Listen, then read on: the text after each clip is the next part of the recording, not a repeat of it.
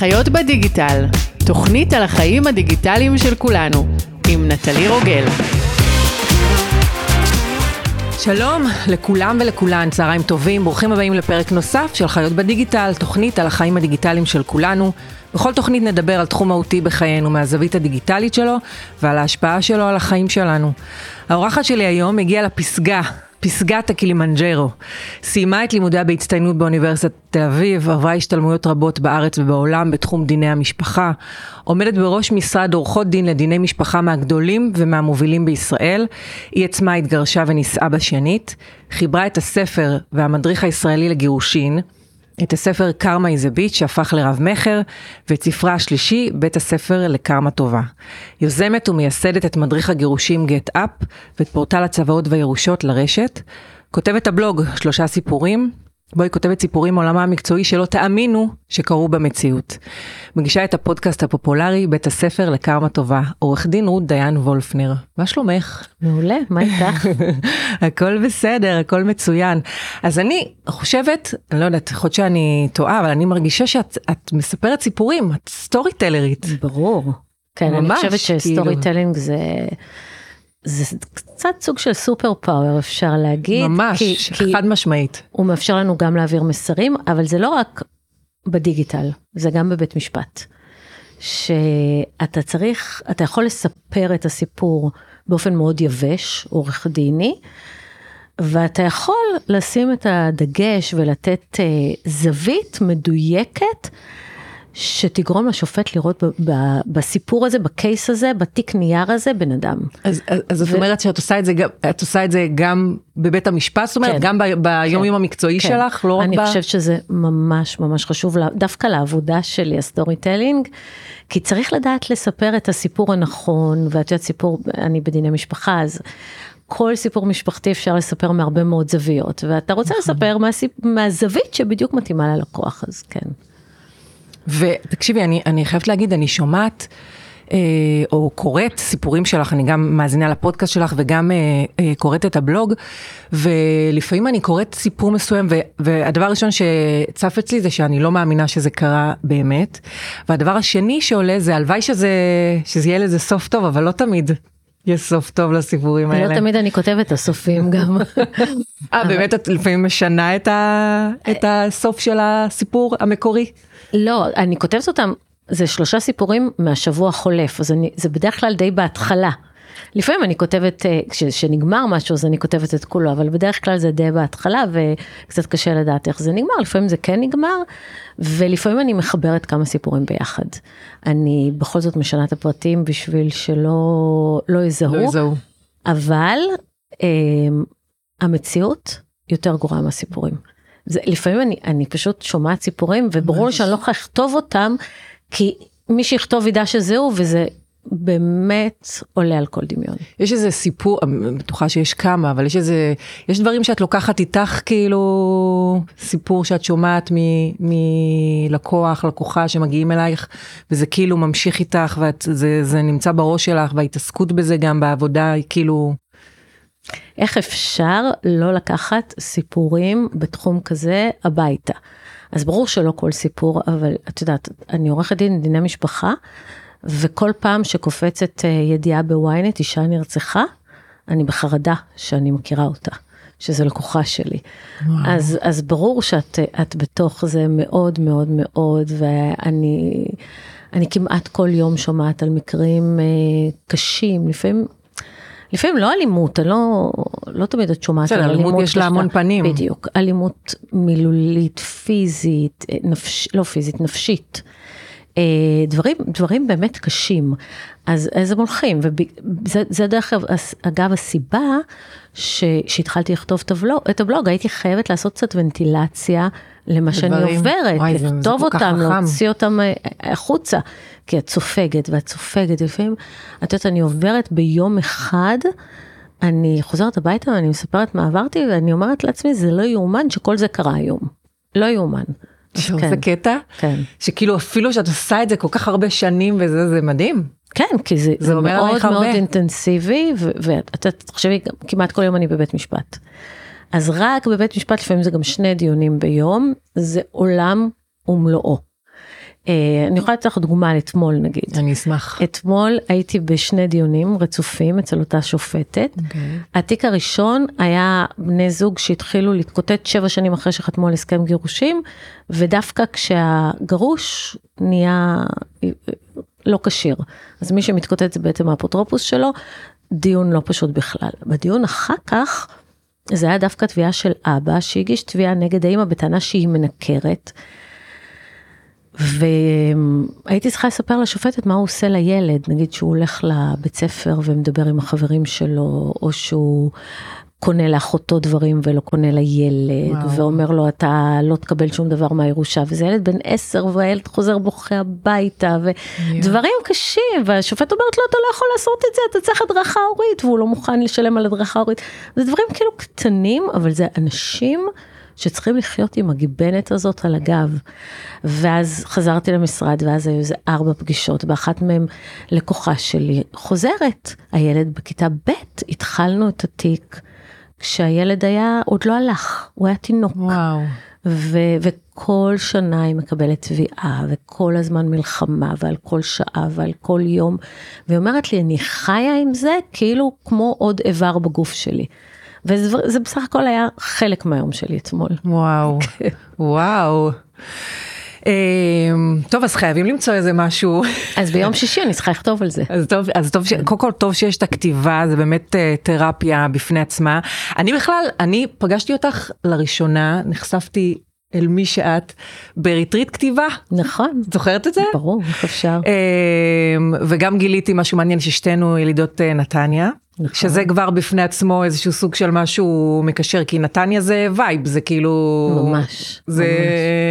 זה מקום שזה כאילו יש אה, איזה שהם כללים מסוימים שאתה גדל לתוכם נכון איזשהו יש שפה. תרבות שפה יש הכל כן. ו, וכאילו חשבתי לעצמי אחרי שנפרדנו כאילו אחרי שכל אחד אה, התפזר אני ואת שתינו פרשנו מוקדם יותר נכון.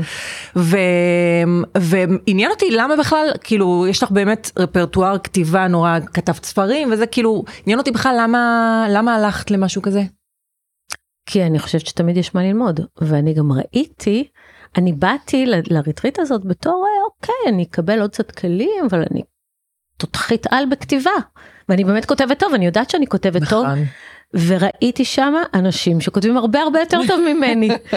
וזה... אבל את יודעת מה, אני חושבת שצריך את זה. נכון, קצת צניעות. קצת אה, זה, ותמיד יש מה ללמוד, אני גם במשפטים, אני בכלל חושבת שאתה, בכל תחום שאתה נמצא בו, אתה חייב כל הזמן להתפתח.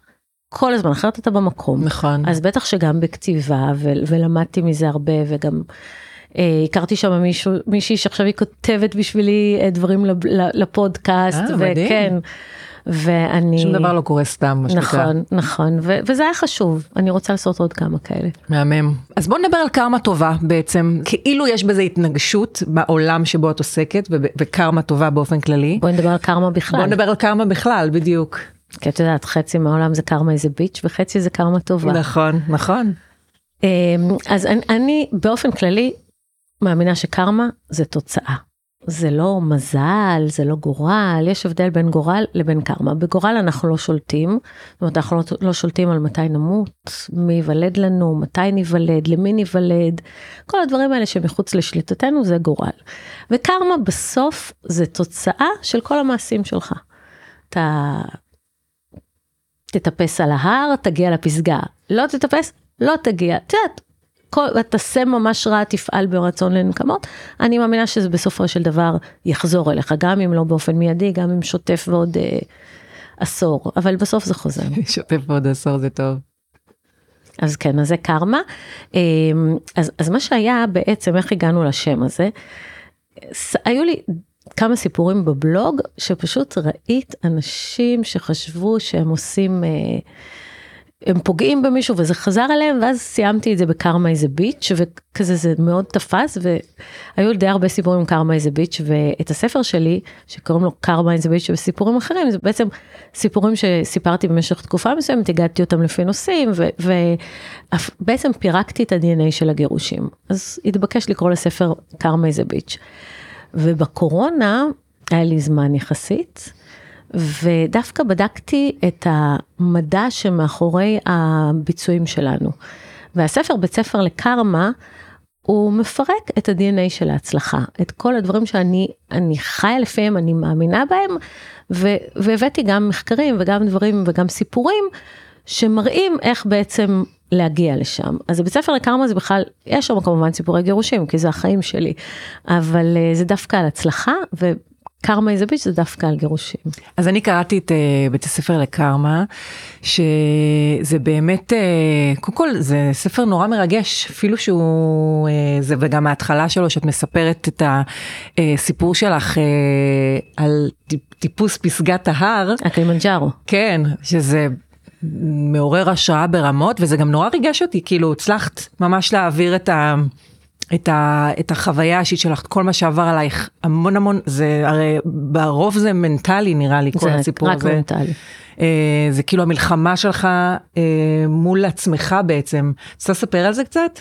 אני כאילו רציתי ממש לקחת איזשהו ציטוט, כי יש בה, כשאתם נמצאים כבר על הפסגה, אז יש שם פסקה נורא נורא יפה של מה את מרגישה ברגע הזה בעצם אחרי כל מה שעברת, וגם יש אחרי זה את ה... צריך לרדת מה... נכון. מהפסגה הזאת שזה בפני עצמו כאילו. נכון.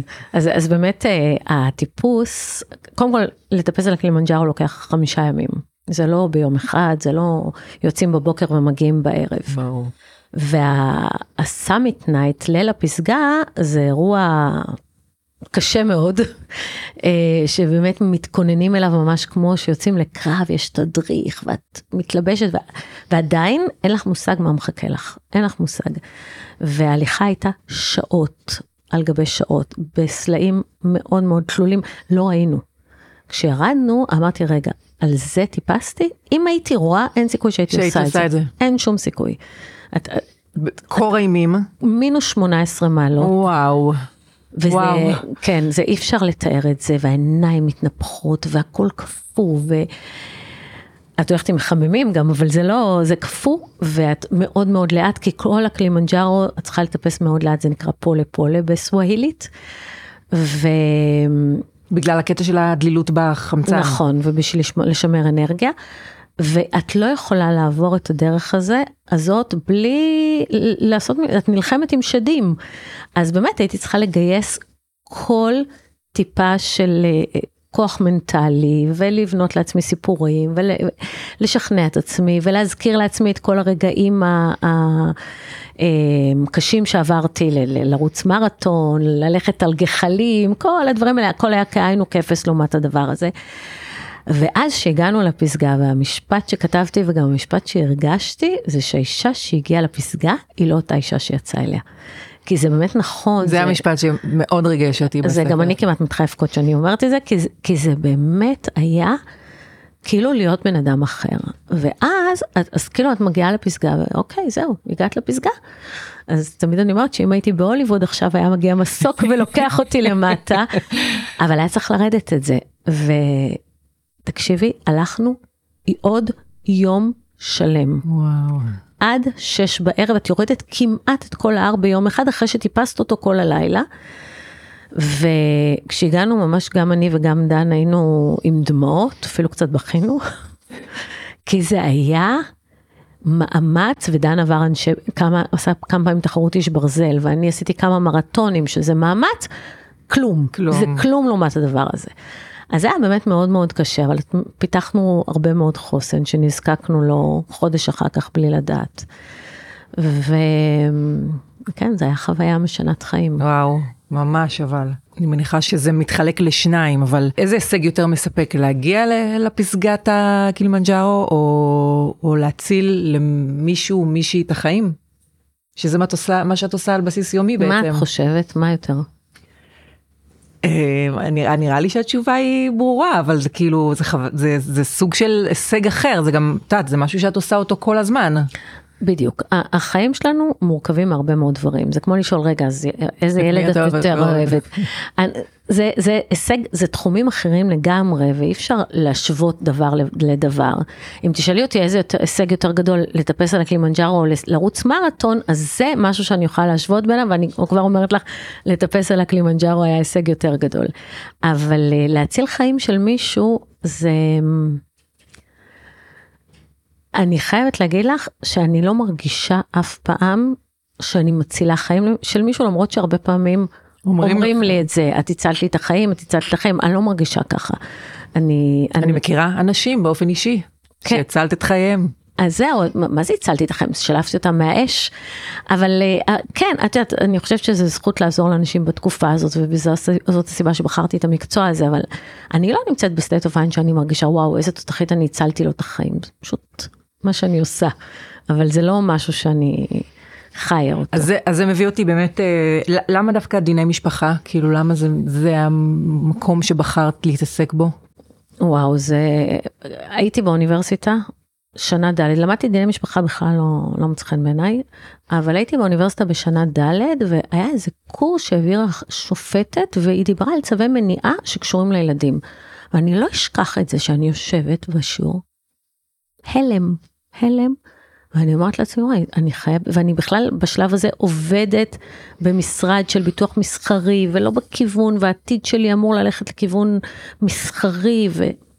ואני אומרת, לא, זה מה שאני רוצה. זה מה שאני רוצה, ובאמת, זה מה שאני רוצה מאז. זאת איזה, איזה רגע מכונן זה. זה רגע מכונן, אבל הוא נבדק עוד הרבה מאוד פעמים, ואני כל כך שלמה עם הבחירה הזאת, זאת אומרת, אני לא, זה כבר רבע מאה, כן, די כבר, אי אפשר כבר, אפשר אולי לעשות שינויים, אבל זה לא, לא הכיוון שלי.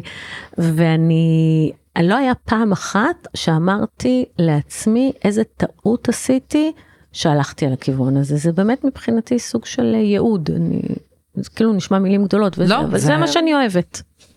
ובאופן חד משמעי נשמע לי כמו ייעוד אה, מאוד מאוד מאוד משמעותי. אה, אני קראתי את האינטרו שלך בפייסבוק והוא מתחיל ככה, אימא, אישה, עורכת דין, מומחית למשפחה וירושה, סופרת, בלוגרית, פודקסטרית, מרתוניסטית, צוללנית, מטפסת הרים. וזה כאילו, חוץ מזה שזה אינטרו מקסים ומהמם ונורא נורא מרשים, זה היה לי מוזר שהתחלת באימא, כאילו מוזר ויפה פה אחד. זה הדבר הכי חשוב. בסוף, זה הדבר הכי חשוב. אבל, אבל את יודעת, אם לא, אני כאילו שומעת את זה, אני אומרת, זה אני, אבל אם לא הייתי עושה את כל הדברים האלה, היה לי משעמם.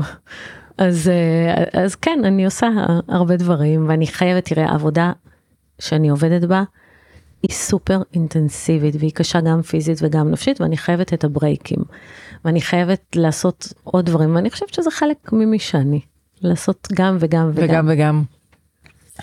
אמ, אז בואו נדבר קצת uh, באמת uh, על העניין הזה של הדיגיטל, בכל זאת, uh, תוכנית, אני מנסה לבחון בפודקאסט הזה את ההשפעה של הדיגיטל על החיים שלנו, ואני גם יודעת וגם מניחה שזה, שזה כן גורם משפיע uh, במערכות יחסים, uh, את יודעת, יש את הרשתות, יש המון המון, uh, בקיצור, זה נראה לי שזה נורא קל יחסית אה, לייצר קשרים, כל העניין הזה של בגידות וזה, זה כאילו... לא, ברור, זה, תראי.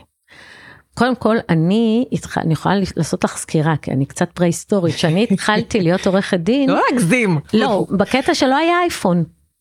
Okay. אוקיי. היה לנו טלפון נייד, אבל כאילו לא, היינו מדברים בטלפון, מי מדבר היום בטלפון? אה, לא היה פייסבוק. לא היה אינסטגרם, נכון. לא היה, לא היה כלום.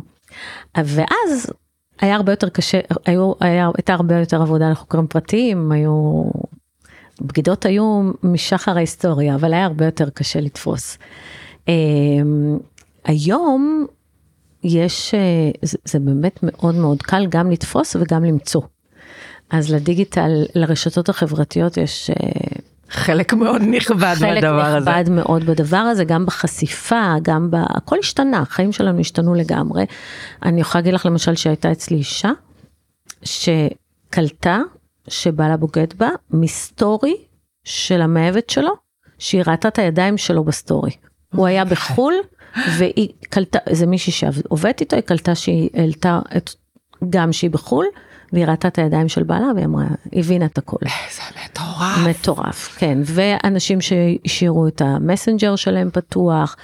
וכמובן הודעות שקופצות בוואטסאפ, את יודעת, זה א' ב', זה בדרך, כל הבגידות מתגלות ככה. את יודעת שאני הייתי בטיסה וישבתי, היה לי זווית למי שישב כיסא לפניי, והוא היה עם הטלפון בוואטסאפ עם אשתו, עם מאמי, אני מניחה שזאת אשתו, ותוך כדי ההתכתבות איתה, הוא עשה שיפט לשיחה עם מישהי אחרת, ושם נכתבו, אני פשוט, אני לא יודעת איך אפילו ראיתי זה, אני פשוט הייתי בזווית. אוקיי, עניין אותך, שיאמם לך. נכונה שיאמם לי.